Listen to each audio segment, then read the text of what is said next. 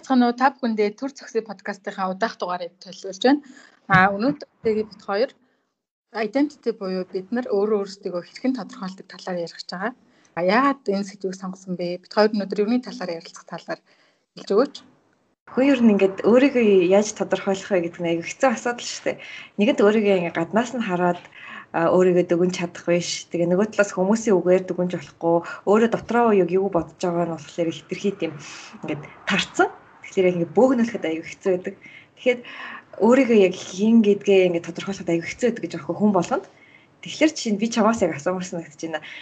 Чамайг өөрийгөө тодорхойлоод хийлгээвэл чи өөрийгөө юу гэж тодорхойлох вэ? Энэ нөгөө би хинбэ гэд асуултыг би хаяа өөрөөсөө асуудаг байхгүй юу? Тэгээд Тэнгүүт би өөр яг үндэ хариулт сайн чаддаггүй.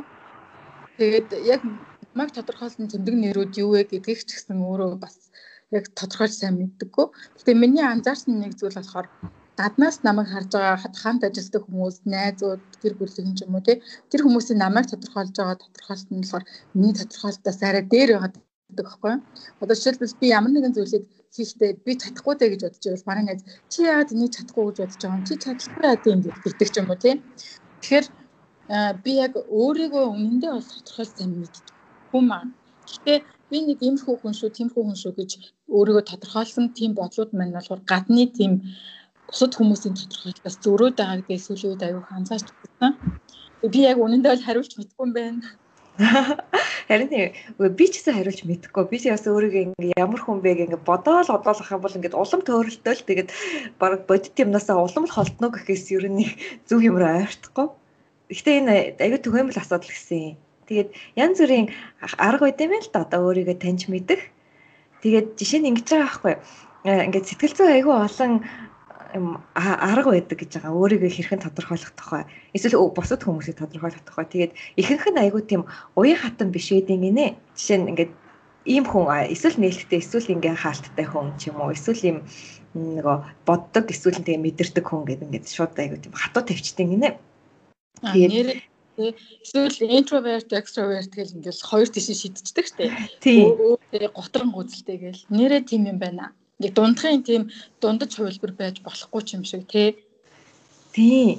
Тэгээд бас хэрвээ нэг газар очиод бас айгүй илэн талангуу хүмүүстэй зөндөө харьцдаг бол жишээ нь өөр хүмүүс бүлэг хүмүүстэй уулздаг хүн айгүй дотгошоогоо болчих болно шүү дээ тий. Тэрийг нэг авч үздэг юм нэ. Би харин саяхан нэг юм юм уншижсэн. Одоо ерөнхийдөө нэг юм хүний одоо мөн чанар хитрхи ингээ олон жижиг сажиг юмтай болохоор ер нь нэг э, анхаарал татах үс нэг таван юм дээр одоо тулгуурлаж өөрийгөө ингээд тодорхойллаарэ дээр. Гэхдээ тэр таван юм нь ерөөс тийм тогтсон таван юм биш гэж байгаа байхгүй одоо жишээ нь зарим хүмүүс талаар залуудаа байж байгаа юм байж байгаа хөвгшрөөд ч юм уу юм өөр арын шинтэй болсон гэж мэгж ярьдаг шүү дээ. Бүр тэр байтугай хүн ингээ өглөө ямар арын шинтэй байх, орой ямар арын шинтэй байх өөр өдөг гэж байгаа байхгүй юу. Тэгэхээр яг энэ энэ таван ямыг аваад үзэх юм бол ингэж байгаа. За хамгийн ихнийх нь болохоор ер нь бол хэр нээлттэй хүн байж байгаа. Одоо шин санаа Тэгээд гарч ирэхэд хэр нээлттэй вэ? Хэр бүтээлч вэ гэсэн үг. Тэгээд хэр мөрөөдөмт хий, тэ сониуч вэ гэж байгаа байхгүй юу? Тэгээд а хоёр дахь нь болохоор хэр зэрэг одоо ичих нүүртэй вэ? Одоо ямар нэг юм хийхдээ ингээд жижиг сажиг юм анхаардгөө, ажил хийхдээ тийм үнэн шударгаар юма хийдгөө гэж байгаа. Тэгээ нөгөөх нь болохоор тийм нийтж байдал одоо яг нэг extraversion тий. Тэгээд дараагийн болохоор ингээд бусад хүмүүстэй санал нийлж нийлэх чадвар гинэ. За ингээд хамт ингээд юм хийхэд ингээд бай хамтарч хийхэд ингээд сайхан байдгүй эсвэл бусдад ингээд итгэдэггүй бусдад ингээд зөөлөн ханддаггүй гэх мэтчлэн. Тэгээд хамгийн сүүлийнх нь болохоор тийм одоо сөрөг бодолд хэр автоматгай вэ гэдэг юм байт юм л та. Тэр тэр нь болохоор тий одоо гуниглах тий санаа зовох, уурлах ч юм уу, хатаархах ч юм уу яг ийм бодлоодод хэр зэрэг өртөнтгий хүн бэ гэдгийг үздэг гинэ. Тэгээ энэ болохоор арай юм уян хатан одоо хүнийг ингээд яг тийм ийм гэхгүйгээр зүгээр энэ чинь одоо хэр зэрэг вэ гэж үзээд тэгээд дараа нь энэ таван юм чинь бүгд ингээд ерөөс ингээд нэг тогтцсон юм биш. Нэг өдөр ийм байсан бол маргааш нь жоохон өөр болчих магадгүй гэдэг юм байлээ. Чи энийг юу гэж ядж байна? Яг өөрийгөө тодорхойлноггүйт одоо гадаад орчноос үзэгдэх харагдах байдлаараа appearance нь ямар юм гэдгээр тодорхойлж байна тий. Физик биеийн хашин чанаар а дээрэс нь бас саяны хэлсэнчлэн одоо хэр нээлттэй байдیں۔ Ингээд ерөнхийдөө характерыг тодорхойлж болж байна тий. Тэгээд саяны тэр нөгөө өглөө оройдоо ч гэсэн өөр байдаг гэдэг нь ерөнхий тухайн хүний шинж байдал биш сэтгэл санааны байдал юм юм шиг ч юм уу? Тийм. Тэгээ тэгж бас ойлгож болох юм шиг байлаа. Гэхдээ нөгөө талаас ингээд чинь энэ таван шинж ингээ хувирч болно гэдэг нь болохоор тэр хүн ингээд хувираад ингээ өөр хэлбэрт ороод байгаа юм биш. Одоо хувирсан хэсэг болох нь одоо тэр хүний хэсэг багхгүй юу? Одоо ингээд өглөөдөө ийм байдаг, оройдоо ийм байдаг гэвэл одоо тэр хүн ингээл бүхэлдээ зүгээр л тийм хүн. Заавал ингээд нэг хэсэг нэгэ байхгүй болж ийж нөгөөх нь ингээ гарч ирж байгаа гэсэн үг юусэн биш. Ааха. Тэгсэн чинь бид нар нөгөө талаасаа ямар нэг хүнийг тодорхойлох гэдэг тийм сайхан зантай гэвэл тэнгүүд нөгөө хүний сайхан зантай байснараа хизээч ууралж болохгүй юм шиг. Энэ одоо яацын уул нь сайхан зантай л байдаг шүү гээл одоо би эндээ уян хатан байх боломжийг олохгүй юм шиг тий. Тийм тийм тий. Тий. Бусад хүмүүс бид нарыг тэгж ханддсан шүү дээ тий. Ягаад гэвэл нэг шалтгаан болохоор тарих айгүйх тийм жижиг сажиг мэдээлэл ингэж хадгалах дургүй ингэнэ тэгэл ерөнхийд нь нэг одоо нэг үг болгоод хадгалчихвал айгүй амар чинь нэг хүнийг хараад нэг хэдэн удаа нэг одоо сайхан сэтгэлтэй юм хийчлээ шүү дээ. Тэнгүү даа за тусчих юм байна гэл. Тэгэл ингээл тогтоогод авчих дуртай юм байна л та. Тэгэд яг тэр нь болохоор өөртөө яг тэгж ханддаг гэж байгаа байхгүй. Жишээ нь хүн өөрийгөө ингээд тусч гэд бодох тохиолдол айгүй их. Гэтэ нэг юм судалгаа хийсэн мэт юм билий ингээд а tipping point гэдэг номон дээр гартай. Хүмүүс сэтгэл зүйн ном биш л те. Гэтэ тэрэн дээр ингээд өөрийгөө тусч гэж ингэж хэлж байгаа хүмүүсийг үздэг аахгүй юу одоо ингээд туршаад өөрт нь өөрсөд нь мэддэхгүйгээр тэгэд ихэнх нь ингээд зүгээр яг энгийн үед ингээд хүмүүс чинь айгу туслах дуртай. Тэнгүүд тэр хүмүүсийг одоо нэг юм сандарсан нөхцөлд оруулчихж байгаа. Одоо ингээд яарч марсан байдалд те. Тэнгүүтээ одоо дахиад яг тийм үедээ нөгөө хүмүүст одоо туслах уу гингүүт ихэнх нь тусалдаггүй. Гэхдээ өөрийгөө ингээд заавалчгүй ингээд тусч гэж ангилах дуртай хүмүүс. Тэгээд тэр нь ингээд тэр хүмүүс худлаа яриад байгаа гэсэн үг үү гэхэлэр ерөөсөө биш. Зүгээр хүн өөрийгөө айгүй олон шинж чанартай тэгээ нөхцөл болгонд ингээд уян хатаа ханддаг тэр үед одоо миний хувьд юу чухал вэ гэдгээ өөрөө ингээд шийддэг гэдгийг бид нэр ингээд хөлдөн зөвшөөрөөд бодож чадж байгаач ингээд нөхцөл болгон дээр мэдээллийг аягүй тийм ерөнхийгээр хадгалах гад үзээд байдаг болохоор одоо тэр тодорхойлолтод маань нийцээгүй хэсгийг ингээ хасчих гад байд юм байна л та. Тэгээд жишээ нь бид нар бас өөрсдийгөө яг тийм байдалд айгүйх оруулдаг гэж байгаа байхгүй юу ингээл би одоо шудраг хүн гэдэг. Тэгээд заавал ингээ бүх нөхцөлд ингээ өөрийгөө шудраг байх хэрэгтэй гэж жишээ нь боддог. Тэгтээ тэнгууд санаанд хүн юм шудраг биш юм хийж штэ. Тэнгууд ингээ амар стресстэй одоо би нэг буруу юм хийлээ. Би юм хийх ёсгүй байсан ингээ бодож штэ ингээ. Тэгээ яг үнэндээ ингээ уян хаттан хандж байгаа байдал чинь яг чиний зан чанарын нэг хэсэг. Тэгэхээр ингээ дотроос нь юм ингээ хасахыг оролдоод ах ер нь хэрэггүй заавалчгүй тэрийг айгүй тийм хатуу юм хайрцагт хийгээд тэгээд заавал ийм байх ёстой, би ийм байх ёстой гэж бодох хэрэггүй. Нэгдүгээр яг тэр зан чанар чинь ингээд байнгын үнэн бол байхгүй. Тэгээд нөгөө талаас бол хэрвээ ингээд чам таалагдахгүй эсвэл хэрэггүй ч юм уу тийм тодорхойлолтой шүү дээ тий. Тэрийг бас ингээд өөрчлөлийг игүүл хүн өөрчлөх боломжтой. Тэгээд ер нь өөрчлөлт гэж бодоагүйсэн чи ямар нэг юм тохиолдлоо гэхэд ингээд өөрчлөгдөх боломжтой гэдэг нэ. Аа, наадах чинь сонсон чи надад нэг юм орж ирлээ одоо бид нар чинь би угаасаа тийм би угаасаа тийм авьяасгүй гэд өөртөө амар хайрцгалждаг штэ тий. Жишээлбэл би ингээд спортоор огт хичээлж үзээгүй байхдаа би угаасаа спортын ямар ч авьяасгүй гэд яагаад ч юм бодсон. Тэгэл би юусоо хизээч спорт руу ойртдаггүй байсан байхгүй юу? Тэгээд яг ингээд жимдээд йог энэ төр хийгээд үзсэн чи би бас тийм ч амар хэцүү хүн биш байсан. Тэгээ би ийм олон жил би ингээд би угаасаа энийг чадахгүй гэж бодоод энэ зүйлийг хийж үзээгүй амар харамсаж байсан байхгүй юу? Тэгэхээр бас энэ биднэрт нэг хортойгоор ингэж тусаж байгаагийн нэг жишээ бол энэ ясаж болох юм шиг тий. Тийм тийм тийм. Яг тийм байхгүй юу. Одоо би ийм юмд дургу би юм чадахгүй гэдэг хүн өөрийгөө тодорхойлчих юм бол нэгэнт ингээ тэрэндээ баригдаад бас өөртөө стресстгээс гадна хүн өөрөө тийм юм ингээ хийх боломжоо ингээ өөртөө хаачдаг. Тэгээд яг чи болохоор ингээд өөрийгөө чадахгүй гэж бодоод бүр оролдож үзээгүй шүү дээ тий. Зарим хүмүүс болохоор бүр ингээд оролдож үзсэн чи ингээд чаддгүй гэж аах уу яа л өөрийгөө чадахгүйгээ тодорхойлцсон болохоор. Аа. Тэгээд тэр нь байх бүх юм нөхцөлийг би олж хараад байна шүү дээ. Бүр улам ингээд өөртөө хязгаалтууд, сэтгэл зүйн хаалтууд тавиал юм гэсэн үг юм шүү дээ. Тэр зүйлийг чадахгүй байна гэсэн хүлээлттэй ингээд ажлыг эхлүүлчихэж байгаа байхгүй юу? Тийм, тийм, яг тэгнэ. Тэгээ бүр ингээд чиний толгойчин одоо жишээ нь чадахгүйгээ ботцсон болохоор ингээд чадахгүй байх шалтгаануудыг л олж харна ингээд чадчих юм боломжийг ерөөсөө ингээд тоохгүй. Тий. Энийг ярьж байгаад бас нэг зүйл санаанд орлоо л та. Юу вэ гэхээр одоо би энийг чадахгүй би энд хангалттай сайн биш гэдэг нэг тиймэрхүү тодорхойлтуудыг би хаанаас гарч ирдэг юм бол гэж ер нь их бодож үзсэн байхгүй юу. Тэгсэн чи хөвчлэн ингээд бусад хүмүүсийн айгүй random комментууд байдаг гэсэн юм шиг байгаа. Одоо жишээлбэл би тэр нөгөө спорт дээр би нэг бүдгийн сургалтанд явсан байхгүй 10 жилдээ. Ахаа чинь хөөх би чамаас юугүй би эсэлгүй хүн нэгийг л харж ирсэн гээл тэгэл би тэрнээс хойш би юусоо ямар ч авьяасгүй ингээл бат. Тэгэнгүүт тэр бүжгийн багш маань одоо намайг ингээд байн хажууд минь хамт байдаг огт сайн мэдэх хүн юусоо ч биш нэг 5 минут ингээл намайг нэг хөдөлгөөн дагаж хийхийг оролдож байгааг харангуутаа л тэгээ хэлсэн. Би тэгэл тэрэнд нь итгэцэн. Одоо тэгээд бас нэг юм болохоор би 10 жилдээ ингээд би юу нэмэр бор ярьжтэй шүү дээ тий. Тэнгүүт намайг ингээд 10 жилд хар гэж хэлсэн. Би тэгэл өөргөө амар ингээл тэрэндээ амар инсекюр бүр ингээл эмзэгэлдэг хичээл хүний нөөрлөө ингээл хараад зүгээр юм ярьж ирсэн аа яна би хар харагдж байгаа боллоо болов гэл бодомгот шууд ингээл газарлуу шигтчихдэг. Миний харц шууд газарлуу ингээл яг тэр миний өөртөө итгэх итгэл буугаар ингээл унаал ингээл үгээ ингээл олохоо болол гацаал ингээл эхэлдэг байсан байхгүй юу. Тэгэд би ингээд сүүлд ингээд өнгөрт очсон чинь хөөгч ямар гоё өнгө ярьстай юм гэж би бүр ихэндээ бүр итгэж өгдөггүй шүү. Тэгээ сүүл рүүгээ амар их тэр комментиг нилээх ангуута би нэрээ гоё ярьстай юм шиг байна гэж бодоод одоо болохоор би өөрөө аягүй гоё өнгө ярьстай гэж боддог байхгүй юу бид нар өөрсдөө ингээд буруу томьёолсон тэгээ бидний өөртөө итгэх итгэл энтрийг бууруулдаг тий бид нарыг чадваргүй юм шиг сайн хангалттай сайн биш юм шиг санагдуулдаг тийм бодлууд дандаа амар сонин их сурвалжтай байдаг юм шиг надад анзаарагдаад байгаа байхгүй сүүлийн үед. Тий. Тэгээд бас өмнө нь ярьсан шиг одоо чамд хин хичнээн ингээ сайхан юм хэлсэн ч нэг тийм тоодгүй харин нэг муу юмыг одоо хүн хүний юм сэтгэл зүй айгуу сайн хүлээж авдаг гэж хоёлаа ярьсан да. Тэр л чам тохиолдсон юм санагдаж байна бас муу юмд хүн илүү их анхаарал тавьдаг. Тэгэхээр тэрийг үнэн гэж бодох магадлал нь айгүй их.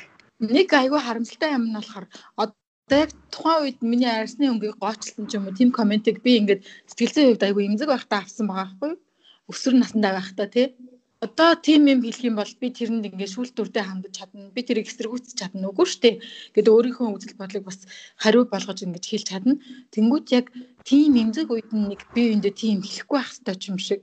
Тэгээд бас ингээд заавал хүний хэлж байгаа үгээр ингээд бид нэр өөрийгөө тодорхойлох гэдэг байгаа шүү дээ тийм нөгөө нэгэд мэдгүйгээс цааш хүн хараад ингээд зөв хэлж байгаа байх гэж бас бодоод Тэгэхээр ер нь ингээд яг өөрөө өөрийгөө ингээд хүн дотроос л тодорхойлох хэрэгтэй. Заавал тийм гаднах юмд нь ингээд автах ёсгүй байтал ингээд яалтчгүй өртөөд тэг хүн ингээд юм хэлэнгүүт би ч гэсэн яг сөрөгийн юмд ингээд айгүй илүү их ингээд анхаарал тавьдаг гэдэг мэднэ. Би тэгээд бас чамд нэг юм хэлж үзгээд нэгэнт ингээ бодлороо бодоод хүн ингээ өөрийгөө нэг сайн олж чаддгүй юм байна л да одоо ингээд улмал төөрөлдөд идэх юм байна. Гэхдээ нөгөө далд ухамсартай бол жишээ нь өөрийгөө яг ямар шиг хүн бэ гэдэг нэлээд тогтцсон, нэл сайн мэддэг юм байна л да. Тэгээ тэрийг ингээ гаргаж ирэхэд янз бүрийн юм тестэд хүмүүс хэрэгэлдэг юм байна. Тэгээд би бүр нэг хэдэн жилийн өмнө нэг юм сэтгэлзэн тест хийж үзчихсэн баггүй юу. Тэрийг өнөөдөр чавар хийлгүүлж үзье гэж бодоод тэр нь болохоор юм яадаг юм куб тест гэдэг нэртэй хүмүүс онсон ч гэж магадгүй хийгээд үзсэн ч гэж магадгүй. Гэтэ хийж үзээгүй бол найдаатай хамт хийгээд үзье би чамд ингээд тийм юм бодорой ингээд юм төсөөлөрэй гэд хэлээд тэгээд дараа нь яг ямар шүү юм байсан бэ гэж шин чанарын чамаас асуух байхгүй юу. Тэгээд тэр үед нь болохоор чи ерөөс нь их удаан бодох хэрэггүй зүгээр л ингээд би чамд юм хэлэнгүүт хамгийн түрүүнд юу бодогсож байгааг л хэлээрэй за. Аа. За. За. За тэгэхээр задгай тал төсөөлдөө. За. За төсөөлсөн үү? За чиний задгай тал чи хэр зэрэг том байна? бүр нэлээд том ингээд баг хязгаар нь харагдахгүй. Тэгээд өвстэй нэлээд өндөр миний бүслэгээр татсан юм ногоон өндөр өвстэй. Тэгээд баг зэрэг салхилаал ингээд өвс нь найгаж. Ааха. Чиний талд нэг юм хүүп байна гэдэг төсөөлтөө. Шоо. За. За, төсөөлцөн үү? Аа. За. Аа тэгвэл чиний тэр хүүп хэр зэрэг том байна? Нилийн том надаас ч том. Байшин шиг том уу? байсан шиг биш над шиг л өндөр баха. Ингээд тийм өндрөөр над шиг өргөн ч гэсэн бас над шиг. За тэгээд чиний одоо куб ямар материалаар хийгдсэн бэ? Миний куб болохоор зүгээр юм хөнгөн цагаан материалаар хийгдсэн мөнгөлөг өнгөтэй зүгээр ирмэг байна. Тэгээд ингээд нэгт харагдчихж байгаа. За. Одоо талт чинь чиний куб хаана вэ? Мм би талд өөрийгөө төсөөлөх хэрэгтэй юу? О тийм тийм. За за би тэгвэл өөрийгөө за за куб маань яг миний өмнө байна. Яг нэм өрөө юм шиг. Аа одоо гараараа хөрийг ивэл хөрөх үү? Хүрнэ. За. Тэгвэл куб чи яг газар ингээд тавигдсан байна уу? Агаартай нөө шигдсэн байна уу? Газар штэ. Газар дээр бүр амар шигдэж мэгтэй. Зүгээр л газар дээр яг нөгөө нэг өвсөн дээр ингээд тавигдсан. Аа за. За тэгвэл нэг шат төсөөлтөө. За. За. За чиний шат хэр урт байна? Миний шат яг нөгөө 5 давхар байрнууд байдаг штэ нэг хуучны. Тэрний 10 11 гişгүүртэй тийм цутгамал одоо нэг бетонын шат юм уу да. Их урт. Аа шат чи одоо чамаас хэр хол байна? Шат ойрхон байна өө кубын хажууд байна. Би яг кубны өмнө зогсож байгаа. Тэгээд шат болохоор ингээ орж байгаа. За. За тэнгууд нэг морь төсөөл. За. За морь чи ямар өнгөтэй вэ? Цагаан өнгийн морь байна. Юу хийж ин морь нь? Аа миний өөдөөс хараад тэгээд дэлэн ингээ баг зэрэг салхинд хийсээ. Тэгээ ер нь тайм зогсож чинь ингээ хаяа нэг урт хөлөө завчлаад гадуур За ойлголоо. За тэнгууд цэцэг төсөөлтөө. За чиний талд одоо цэцэг нь хаана? Цэцэг нэг би барьсан байна, гартаа барьсан. Аа за. Хэр зэрэг олон цэцэг байна? Нэг нэг нь ганцхан ширхэг цагаан өнгийн ромашка. За за. Энэ том, нэлийн том. За, ойлголоо. За тэгвэл талтчин цаг агаар ямар шүү вэ? Мм яг хамгийн анхны нөгөө нэг тал маань болохоор ногоон ингээ өвсөн ногоонороо харагдаад тэгээд аа баг зэрэг салхитай. Тэр өвсөн ногоонороо харагдж байгааг бодвол ер нь бол өдрөл юм шиг байна. Бороо бороо ороогүй за манантай байна уу? Цастай байна уу? Манан байхгүй тэнгэр нь ер нь сэлмэг. Гэтэ бүр амар тийм гэлдсэн хурцнаар мар бол харагдахгүй байна. Ямар ч байсан өвсний өнгөн юмнуудын өнгөн ингэж тод харагдахаар байна. Өдөр нартай. Аа за ойлголоо. За тэнгүүд нэг шуурга төсөөлтөө. За. Бүр амар шуурах юм уу заавал? Зөв шуурга бат бат. бүр нэг нөө нэг өвс маань ингээл өвсийг зүгээр л ингээл халиуруулад найгуулгаар хинжээний салхи болохоос ч нэг тийм амар шуурахгүй байна. Аа за. Тэгвэл шуурга чамаас айгүй хоол байгаа гэсэн үг. За ер нь хэрэг шуурах хэвээр бас шуурах чинь надад мэддэг. За за болж штэ. Бусад хүмүүс шуурга хэрвээ бодсон бол шуурга одоо нөгөө ойртож гинөө, холтож гинөө. Тэгээ шуурга нь хэр зэрэг том байна гэж бас дотроо төсөөлөх хэрэгтэй. Гэтэ шуурга харагдахгүй нь ерөөсөө мэдрэгдэхгүй ингэж хариулчих хариулах ч гэсэн зүгээр. Аа за. За тэгвэл би одоо тайллыг уншиж чигээ. За ингэж байна. Тал нь болохоор чиний одоо сэтгэл зүйг илэрхийлж байгаа юм байна л та. Одоо хэр зэрэг том байгаа чиний мөн чанар хэр зэрэг том бэ? Хэр зэрэг өргөн бэ гэдгийг илэрхийлнэ гэд. За тэгснэ айгүй тийм өвсөн ингээд чиний нэлээд өндөр өвстэй гэсэн шүү дээ, тэ? Тэгэхээр юмыг ингээд өөрийн дураар хийх дуртай. Гэсэн үг гинэ. Тэгээд хэрвээ өвснө хийхэд айгүй сайхан тэгших ингээд яг айгүй сайхан хадцсан те. Тийм өвс байх юм бол ер нь айгүй болгоомжтой юмыг айгүйх боддог хүн гэсэн үг гинэ. Тэгээд яг нэг хуурай юу тийм хатцсан эсвэл цөл төсөөлөгдөх юм бол айгүй тийм готрог үзэлтэй хүн гинэ. За цаашлая. За чиний куб болохоор чамайг илэрхийлж байгаа гинэ. Тэгээд кубны хэмжээ нь болохоор чиний эгог илэрхийлж байгаа. Бэ? Би ч бүр өөрөөсөө том эготой юм уу? Тэгээ чамаас том гэдэг чи айгүй сайн онцолж хэлсэн. За тэгээд куб болохоор гаднах нь айгүй тийм гөлгөр байх юм бол ер нь айгүй тийм зөөлөн хүн одоо гаднах нь ардгар байх юм бол айгүй тийм шулуун шудраг ер нь юу ч байсан шулуухан хилчдэг хүн гэсэн үг гинэ. Ардгар байх юм бол хүмүүсийг жоохон шөмжлөх дуртай. Гэхдээ чиний хол тийм байгаагүй. Тэгээ өнгө нь ямар вэ гэхлээр яг чи цагаан хөнгөн цагаан нар хийсэн бол тэр хөнгөн цагааны өнгөтэй гэсэн тэрийг ангилахад ер нь жоохон хэцүү юм байна. Хэрвээ саарл гэж үзэх юм бол айгүй өөртөө ихтэй би даасан амархан юмд ингээд өөрчлөгдөд идэггүй хүн гинэ. Аа за. За тэгээд Бусдаар бол ингээл жишээ нь улаан байх юм бол айгу тод мэдрэмжинд дуртай те шар байх юм бол нийтэж цэнхэр байх юм бол айгу оюун ухаанлаг гэх мэтчлээ олон гин ингээд ангилт юм байна. За тэгээд Кубны чи хэрвээ доторх нь чамд харагдчих юм бол ингээд дотроо ботсон юм а илэн талангүй хүмүүст хуваалцах чаддаг хүн гинэ. Ааха. Би нэг юм асууж болох уу? Аа за. Миний куб чинь ингээд ямар ч гадаргуугүй одоо зүгээр ирмэг байгаад байгаа байхгүй ингээд агаар тэр чигтээ нэгт салхилдаг. Одоо шилэн байх юм бол ингээд гадаргуутай байгаад байгаа. Аа. Арцгал гадаргуутай гэдэг тэр миний яах юм болоо. Аа за чинийх ер нь нөгөө доторх нь хоосон байгаа болохоор яг дотоод мөн чанартай тэгэж их анхаардаг хүмүүст юу гэж харагдах болоход боллоо гэдэг болов уу гэдэгтээ их санаа зовдөг хүн гэж бичсэн байна. Оо яана. Гэтэ мэдгүй мэдгүй энэ үнэн байх албагүй л те. За цаашлбал чинийх одоо металлаар хийгдсэн байсан шүү дээ. Тэгэхээр ерөнхийдөө айгүй тийм хүчтэй мөн чанартай хүн гинэ одоо жишээ нь гадныхын энэ нөлөөнд нэгтгэв. Тэгээд ер нь бол харилцаанд тэгэж давамгаалах дуртай гинэ. Яна үнэн баха. За шатн болохоор өөрийнхөө зориг тэгээ болон найз нөхдөд ямар харилцаатайг илэрхийлдэг гинэ. За чиний шат болохоор ер нь ойрхон байсан те.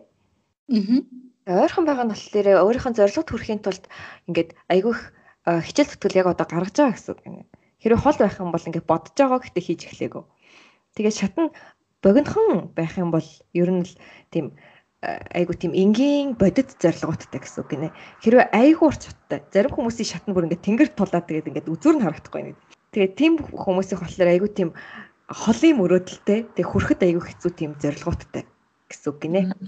Тэгэхээр цаашаа нь болохоор шатнд юугаар хийгдсэн байна гэхээр ингээд юм металл, чулуугаар хийгдсэн айгу тийм бат бөх материалтай байх юм бол найз нөхөддөг айгу ойрхон айгу тийм бат бөх харилцаатай хүн гинэ.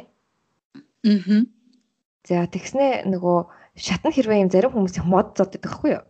Тэгээ мод байх юм бол ингээд ойролт нөгөө хүрээлж байгаа хүмүүстэйгээ нэг тийм дотны харилцаа үүсгдэггүй. Тийм хүмүүс байдаг гинэ. Аа. За Тэнгүүд морин болохоор чамайг чиний төгс хамтрагч одоо хайртай хүнийг чи илэрхийлж байгаа юм. Тэгэхээр цагаан өнгөтэй байна гэдэг нь чи айгүй их тийм үнэн ч шудраг байдлыг айгүй хэрхэмлдэг хүн гинэ. Тэгээд чиний төгс одоо хамтрагч чи яг ямар шиг хүн бэ гэвэл морчин ингээд зүгээр юм үүсээ дээдл зогсож исэн болохоор чиний төгс хамтрагч чи айгүй тийм тайван Тэгээ чамд ингээд өөрийгөө бүхэлдэн зориулсан хүн байна гинэ. За цаашлаа. За цэцэг төсөөлсөн шүү дээ тий. Цэцэг нь болохоор нөгөө чиний гэр бүл тэгээ найзуудыг илэрхийлж байгаа юм гинэ. Одоо айгүй олон цэцэг бодох юм бол одоо айгүй тийм нийтч хүн гэсэн үг. Тэгэхээр цөөхөн цэцэг бодож бол айгүй дотгошоо гэсэн үг гинэ. За тэгээд зарим хүмүүсийн болохоор бүр ингээд цэцэг төсөөлгөнгөт нь ингээд өвсөн талын жишээ бүхэлдээ цэцэг тал болоо хувирчдیں۔ гинэ. Тэгээд тэр хүмүүс бол үнэхээр нийтж гэж гарч байна. За цаашаа цаг агарын байдал нь болохоор одоогийн чиний амьдралд одоо яаж хандж байгааг илэрхийлж байгаа юм байна л та. Тэгээд ер нь юм нартай байх юм бол одоо нэг санаа зовх юмгүй аяга өөдрөг байгаа гэсэн үг гинэ. Тэгээд салхитай байх юм бол одоо ирээдүйн асуудалтай жоохон санаа зовж байгаа гэсэн үг гин. Гэхдээ нэг тэгэж их удаан гутраад байдгүй гинэ. Тэгээд бороотой байх юм бол ер нь одоо айгу асуудалтай байгаа. Манантай байх юм бол яг юу болоод байгааг сайн ойлгохгүй байгаа гэсэн үг гинэ. За цаашлие а одоо нөгөө шуурга гэсэн шүү дээ. Одоо шуурга нь хэрвээ айгүй зөөлхөн байх юм бол одоо нэг стресс айгүй тийм стрессийг айгүй даван туулах чадвар сайтай. Аа тэгээд яг юм асуудал ирээд өнгөрдөг гэдгийг айгүй хүлээн зөвшөөрч чадж байгаа гинэ. Тэгээ хэрвээ шуурга бол айгүй хүчтэй байх юм бол одоо ямар нэгэн стресстгүй хитэ айгүй хүчтэй стресстэй бүр ингээ өөрийгөө алдтлаа стресстэй хүн гин. Тэгээд шуургач бүр чамд айгүй ойрхон байх юм бол одоо ер нь нэг тийм асуудалд айгүй өртцөн. Тэгээ одоо тийм нэг хэцүү байдал донд байгаа хүн гэсэн үг юм. Хэрвээ нэлээд цаана хол харагдчихвэл а яг одоогор нэг юм ингээд санаа зовоож байгаа одоо эсвэл тийм гунигтай санагдаж байгаа боловч тэрийг аягүй сайн өөрөө зохицуулж чадж байгаа гэсэн үг гинэ. За ингээд дуусчлаа. Чи юу гэж бодож байна? Надад их сонирхолтой санагдлаа. Бас үнэн санагдлаа. Харин би бас анх энийг хийж үзэж байхдаа ямар сони гэж бодож байсан. Иймэрхүү асуултнуудаар хүнийг ингээд ийм юм гээ хэлэхэд бас л нэлээд ойртдаг юм байна гэж бодоо. Тэгээд бас юу гэсэн ингээд яг одоо чамайг ямар шүү байгааг илэрхийлэхээс биш яг ингээд ямар шүү хүн бэ гэд бүхэлд нь ингээд чамайг тайлбарлахгүй гэсэн энэ тест. Тэгэхээр одоо жишээ нь байж байж байгаад одоо хэдэн жилийн дараа ч юм уу хийж үзэнгүүт ингээ өөр болцсон ч юм байх юм бол гэж зүгээр гисэн. Аа яг тийм баха. Ер нь бол миний яг одоогийн байгаа нөхцөл байдалтай нэлээд таарч байна. Үнэн шудраг байдал одоо эрхмэлдэг энэ төр гээд ер нь бол надтай нэлээд таарч байна. Тэр жоохон дотгошоо гэдэг нь бол юу лээ гэж боддог чинь. Гэтэл бас харьцангуй ойлгох шүү дээ тий. Би зарим айгүй хаалттай хүмүүсийн хажууд харьцуулахад дотгошоо нээлттэй гэж болно. Гэтэ би бүр тийм амар нээлттэй хүн бас биш. Яг танихгүй орчинд орохоор би нэлээд хичмхийч юм шиг болчдөг бас. Ингээд тест хийгээд үзэхээр бас өөрөө яг нэг бодохгүй хариулж байгаа болохоор айгүй үнэн хариулах магадaltaй. Төөлтөө гингүүд шууд төсөөлөгдөж байгаа байхгүй юу? Тэгэхээр хоёул ингэ саяны ярьсан зүйлүүдээс болохоор би ингэж ойлголаа. Ер нь бол хүн заавал шудраг шудраг биш одоо үнэнч үнэнч биш юм уу нэг ганцхан үгээр өөрийнхөө тодорхойлоод байх шаардлага байхгүй. Магадгүй хүний нөгөө өөрөөр орчинд ороод өөрөөр зан авиртай болж болох нь survival instinct ч юм уу тийм ингээд энэ тэнд ороод тасан зохицох чадвар юм байна шүү дээ. Тэгээ бид нар тэрийгэ баг ингээд ямар гоё юм бэ би юм тасан зохицох чадвартай гэж ингэж баярлаж хүлээж авахын оронд магадгүй би ингээд нэг зангаараа байсангүй улааныг харуулж урлаач гэдэг. Тэгээд ч магадгүй гэж сонсогдлоо. Ер нь бол тийм яг тэр нөгөө миний уншсан хэсэг дээр надад тэр санаас яг чиний хэлсэн санаа айгу гойс нэгцэн бохгүй. Яг л ингээд бид нар ингээд өөрийгөө ингээд янз бүрийн нөхцөлд өөр өөр зан гаргадаг гэдгээ айгу хүлээн зөвшөөрч чаддгүй те. Тэсээ болоод айгу стресстэй чиний зан чанар чи одоо нэг хэсэг рүү ингээд ганц үгээр илэрхийлэх аргагүй байгаа штэ хүн болсон тохиолд бүр үнэхээр олон зан чанар ингээд бүрдсэн байгаа. Тэрийгээ ингээд бүхэлд нь ер нь ингээд хүлээн зөвшөөрж тэгээд өөрийгөө заавал ингэж хайрцаглахгүй байх хэрэгтэй гэж хэлмээр байгаа байхгүй юу? Би бас нэг нэг номон дээрээс trigger гэдэг нэг ном байдیں۔ Тэрэн дээрээс нэг концептэд танилцчихсан нь болохоор хүний орчны нөлөө гэж байд юм байна л да. Тэгээд одоо жишээлбэл огт хүн муулдаггүй хүн байлаа гэж бодонгууд а хүн муулдаг хүнтэй нийлэхээр хүн муулдаг болчдөг гинэ. Тийм тэгээд тэр номон дээр болохоор бидний орчны нөлөө бүр амар их байдаг. Тийм болохоор ямар орчинд орхоо орох дээрээ ингээд айгу майндфул байх хэрэгтэй гэсэн нэг тийм санаа бас байсан. Тэр ихтэй энэ нэг баг зэрэг холбогдсон юм л да бид яагаад чи нэг ярьж байгаа. Надад аяа төстэс нэгч байна. Яагаад гэвэл ингээд нөхцөл болгонд хүний гаргаж байгаа авир бол өөр.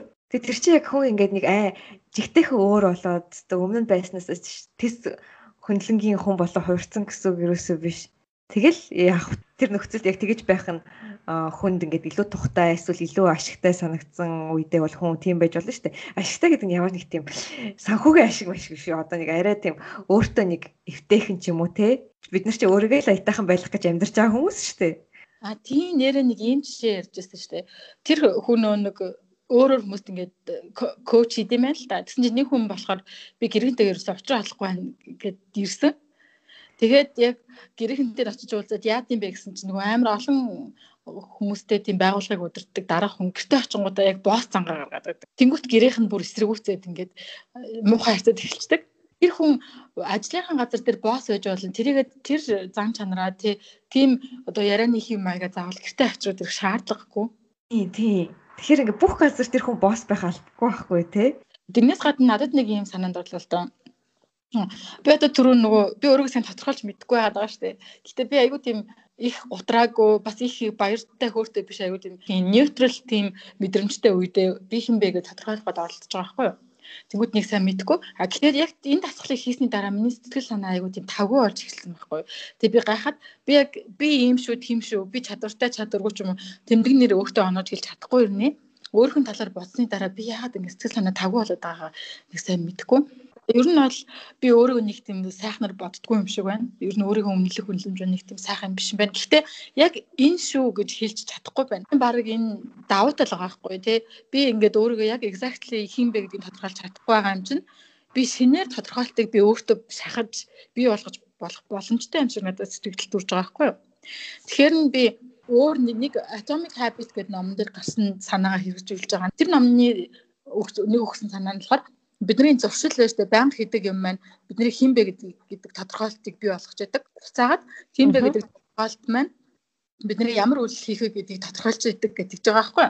Жишээлбэл одоо банк жинд явдаг хүн байх юм бол би өөртөө идэвхтэй дасгал хөдөлгөөнтэй хүн шүү гэдэг өөрийгөө тодорхойлчихно. Банк идэвхтэй дасгал хөдөлгөөн хийдэг хүн гэдэг тодорхойлттой хүн чинь болохоор а тийм ээ алгасаар стресстэй тийм ээ л да. Тэгэхээр одоо миний банк хийдэг зүйл өөрийгөө тодорхойлдог тодорхойлт хоёр ингээ бие бинийгээ ингээд дэмжиж фидбек луп үүсгээд ингэж явдаг гэд тийм ойлголт байсан байхгүй.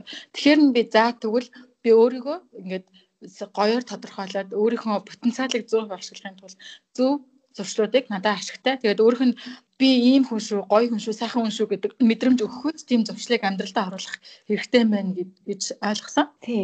Яг тэгэл одоо өөрийнхөө хүн это муугар бодох юм бол тийм ингээд тийм юм аяч нь хийж чадхаа болдог гэж хоёулаа түрүү ярьсан шүү дээ, тий. Тий. Тэр шиг одоо хэрэг би чадна гэд бодох юм бол ерөөхдөө чадчих магадлалтай. Чадна гэд бодсон хүн чинь арай тэр юмаа хийн те тэгээд бас давхар ер нь хүн зүтгэж байгаа бол амжилтанд ер нь хүрэх магадлалтай хүн л болсон хой сурах чадвартай болохоор тэгээд цаашаага ингээ явах юм бол илүү тэрэндээ дуртай болоод ингээл улам л ингээд тэр тал руугаа яваад байна гэсэн үг шүү дээ. Арай илүү чаддаг болгодог би чадах юм байна гэж бодоод тэгэл чадах юм байна гэж бодсон болохоор нөгөөхөө улам хийгээл арай сайжрал дэлгэх мэтчлээ ингээ цаашаага ингээ шат шиг ингээ яваад өгч болно. Тийм яг үнэ те. Нэг удаа чадчихад хоёр удаа чадаад би чадчихлаа чаддаг. Тэгээд би ер нь чаддаг хүн гэдэг тийм баттгаж өгж байгаа байхгүй. Саяны хэлсэн шүү дээ. Би ингээд ихэвчлэн дасгал хөдөлгөөн хийдэг хүн шүү гээл би өөртөө тийм бодолтой болчихж байгаа. Тэгээ миний эргэн тойрны хүмүүс ч гэсэн намайг энэ сте айгүй итгэвтэй хүн шүү гэж харж байгаа байхгүй юу. Тэнгүүт би жоохон назгаараад ирэхээр намайг харж байгааг хүлээл өөрийгөө харж байгаа үнэлэмж маань ингээд дотоод зөрчил үүсгэж эхэлж байгаа байхгүй юу. Хөөе би ч одоо итгэвчний үнштэй ингээд назгараад байж болох уу гэд буцааж намайг өөрийн ингээд яг тэр яг тэр зөв зуршлыг хийхэд төлөв золж өгч байгаа байхгүй юу. Тийм. Тэгтээ айгуу гоё. Нөгөө өөрөө тэгж амар өөрийгөө хүчлэх биш. Өөрөө өөрөөрөө яд ямар тийм шинж үсгээд тэрэгээрээ өөрийгөө ингэ шахуулчихж байгаа хгүй. Тэгэхээр ер нь л шийдвэр гаргах нь ч хамаагүй амархан тэргээ хийхэд ч илүү амархан. Тэгээд нөгөө хийхэ болох нь хэцүү болохоор ингэ үргэлжлүүлэх магадaltaй хана штэ тий. Тийм. Энэ болохоор бас яг цаана энэний цаана юу явж идэм бэ гэхээр одоо би шудраг хүн шүү гэж бодож байгаа шудраг бус үйлдэл гаргаад худлаа хэлчихэр хүн ингээд стресстэй гэдгийг гэсэн штэ түрүүн. Тэрний цаана болохоор хүний э, дотор нь зөрчил үүсээд байгаа байхгүй. Би ийм хүн гэдэг identity маань миний хийсэн үйлдэл хоёр хоорондоо зөрчилдөнгөд дотоод зөрчил үүсгээд намайг стресстүүлээд байгаа байхгүй юу? Аа. Тэгэхээр бид нар ингээд дотроо тийм дотоод зөрчил үүсэх амар сонирхолтой байд юм байна л да. Тэр маань амар стресс үүсгэждэг. Тийм гэхдээ нэг энэний аюултай юм нь юу вэ гэхээр одоо би чадваргүй хүн гэж ботцсон байж тээ. Би ер нь одоо дуулдгүй хүн шүү ч юм уу бүжгэлдгүй хүн шүү ч юм уугээ ботцонгууд би тэр зүйлийг хийх гэхээр би угаасаа чадахгүй юм чинь ингээд хийгээ чадсан юм шиг яагаад өөр хүн одоо жишээлбэл чи өстой гой дуулдаг байна гэд хэлэхээр тэр хүний үг нь миний нөгөө өөрийнхөө талаар бодож байгаа итгэл үнэмшилтэд зөрчилдөөд ингээд хүлээж авахгүй хаахгүй нэг талаараас айгүй хосолтой тийм тийм би тэр чи үнэхээр ойлгож байна. Надад яг тийм нэг жишээ байгаа. Одоо би яг багасаа өөрийгөө тийм тооны хүн биш гэж боддог гэсэн бохгүй юу. Тоо бодох надад миний хувьд нь ер нь жоохон хэцүү л эсвэл л та. Гэхдээ би зүгээр миний толгой чи ямар нэг хүнээс ялгаагүй шүү дээ адилхан юм хийгийг үл чадах ёстой бохгүй. Гэхдээ зүгээр л би чаддгүй гингээ ботцсон өөртөө. Тэгээ чаддгүй гэж бодсоор хагаад бүр ямар нөхцөл төрсэн бэ гэхлээр ингээд надад хүн бодлого харуулад эсвэл нэг юм урт томьёо харуулах юм би ингээд баг харч чаддгүй заяа. Би ингээд шууд толгоо унтраад шууд өөр юм ингээд бодоод эхэлдэг. Ингээд анхаарад эхнээс нь бүр ингээд харах чадваргүй болтлоо ингээд өөртөө итгүүлсэн байгаа хгүй би ийм юм хийж чадахгүй гэдгээ. Тэгмэд яг эсэргээрээ манай найз идэв. Тэгээд бид нар яг адилхан сургуульд явсан, адилхан ингээд хичээлүүд үтсэн хэрнээ манай тэр найз өөрийгөө тонд айгуу сайн. Тэгээд ямар ч юм ботчихно гэдэг айгуу итгэлтэй байдаг байхгүй. Тэг итгэлтэй байдаг болохоор ингээд хэцүү юм харсан ч гэсэн ингээд эхнээс хараа заа зинг яаж болох вэ? Юу вэ? Энэ доторх нь яг ямар шүү шин чанартай юм байна гэдэг ингээд хараад эхэлдэг. Тэгэхэд би тэрийг харж чадахгүй байхгүй. Би бүр ингээд сэтгэл зүйн хувьд өөрийгөө ингээд зогсоож байгаа байхгүй харж эхлэхээс өмнө. Тэгэхээр аргагүй ингээд чадахгүй байгаа байхгүй тэрийг хийж. Тийм наацтай холбоотой айгүй гоё туршилт байт юм а. Одоо бид нийгэм дээр айгүй тийм хүүстэй холбоотой ч юм уу нэг тийм нийтлэг ойлголтууд байдаг шүү дээ. Одоо эмэгтэй хүүхдүүд нь математиктаа муу байдаг, толгой муутай байдаг ч гэдэм үү те. Эсвэл Аз хүмүүс айгу гавл байдаг ч юм уу. Энэ төрлийн одоо стереотип гэж нэрлэдэг шүү дээ. Жишг тийм ойлголтууд хүмүүст яаж нөлөөлдөг гэдгийг судалсан юм байна л да. За тэгээд яг одоо 10 математикийн бодлоготой тестийг ингээд оюутнуудад өгөөд ингээ өөр өөр группийн оюутнуудад өгөөд ингээд энийг саяын зүйлийг тестэлж ингээд туршилт хийсэн байгаа байхгүй юу. Тэгээ тэрнийхээ өмнө болохоор одоо жишээлбэл хамгийн ихэн дээр нь хүүсээ бич гэдэг чиж байгаа. Тэгмүүд эрэгтэй эмэгтэй гэд хүүсэл бичиж байгаа байхгүй юу. Аа өө групп дээр нь болохоор угаасаа бичгээл гэж байгаа байхгүй. Цагаан арьстай Африкэн Америкэн Аз юм уу гэдгээ бичиж байгаа. Гэтэ яг тэр тестний өмнө нь болохоор эмэгтэйчүүд маттай муу гэдэг шүү гэж огт хэлээгүй юм гэрнэ зөвхөн хүүсийн сануулгах төдийд л яг тэр группүүдийн эмэгтэй хүмүүс нь муу оноо авчиж байгаа байхгүй юу. Аа Тэгээд эсвэл зүгээр л нөгөө Аз хүмүүс гавл байдаг шүү гэж огт бичээг багш тэнд ямар ч тийм стейтмент байхгүй. Тэгсэн хэрнээ яг ямар арьсны өнгөтэй вэ гэдгийг сануулгад үдэл Азууд тэр группийн Азууд нь хамаагүй өндөр оноо аваад явцсан. Аха. Энэ бүр амар сонирхолтой. Тэгэхээр бид нар зүгээр өөрсдөө айгүй их би тэгж чадна, тэгж чадахгүй, ийм чадвартай чадваргүй гэж айгүй их ментал блог үсгдэг юм шиг тий. Өөртжилж ингэж өөрийгөө тодорхойлсноор тий. Юм хийх чадвараа ингэж хааж байгаа байхгүй юу? Тийм. Энэ нөгөө нэг чадварын тал дээр болохоор би нэг тийм жижиг арга хэрэгжилж эхэлсэн байгаа. Юу вэ гэхээр хүн ингээд өөрийнхөө өөрөө өөрийгөө үнэлэх үнэлэмжээ сайжруулах ч юм уу те эсвэл ингээд потенциалаа ашиглахын тулд нэг арга хэрэгжилж болт юм байна л да. Тэр нь болохоор нэг зорилго тавиад тэрэндээ хүрэхээр хүн дараагийн зорилготоо хүрнэ гэсэн ихтгэл өмшил амар бий болоод би ер нь чадвартай хүн шүү гэсэн тодорхойлолт өөрт нь ирд юм байна л да. Гэхдээ энийг яг хийхдээ хүмүүс юу гэж алдаад байдаг вэ гэхээр амар том зорилго тавьчихдаг гинэ Аа. Одоо жишээлбэл нэг шалгалтууд байдаг шүү дээ. GR гэж шалгалт гингүүд би GR шалгалтын дээр тэдэн оноо тавьсан цагт би өөрөө авсан цагт би өөрийгөө мундаг хүн гэж бодно гэж тэгчдэг. Энийгээ бүр ингээд задлаад явах хэрэгтэй гинэ. Хоёлаа энэ таскуудад задлах бас өмнө нь ярьж л байсан л да тий. Одоо жимд явах дээр айгүй гоё нэг жишээ авч ирсэн юм нөгөө Ugly Hot Mongolian podcast дээр одоо тэрийг л байнга ярих юм да тий. Жимд явна гэж тэнгуүтээ өглөө 5 цагт цол жим дээр очивол 2 цаг тасгал хийгээл гэж хүмүүс ингэж боддог гинэ. Тэнгуү тэр өглөөчөрт босч чадж байгаагүй хүн ерөөсө тасгал хөдөлгөөнт хийж үзэж байгаагүй хүн гинэ. Тэнгуүт яг тэр хүн өөрөө яаж тэрийг зуршлыг амьдралынхаа хэв маяг болох хэрэгтэй гэхээр За өнөөдөр очиж энэ дээр очиод бүртгүүлчихье да. Гэт ингээд бүр задлаад Нэг өдөр жин дээр очиж бүртгүүлчингүүтээ би бүртгүүлсэн шүү. Энэ бол амжилт шүү гэж харах хэрэгтэй гинэ. Тэгэхээр бид нэр ингээд э, юмыг маш баг багаар ингээд жижиг жижиг юм алхмууд хуваагаад хийгээд нэгэнд нь хүрэх юм бол хоёр дахьт нь хүрэх, гурав дахьт нь хүрэх тийм ихтгэл үнэмшил бий болдог. Тэгэхээр би энийг чадандаа чадахгүй да гэсэн ихтгэл үнэмшлийг бол ингэж авдсан байна. Аа. Энэ надад бол айгүй ажиллаад байгаа. Би айгүй олон юм дээр ингээд юм амар жижиг жижиг степүүдэд хуваагаад нэг нэг юм хийх маягаар ингэж юм арай ингээд өөрийгөө сайжруулж байгаа.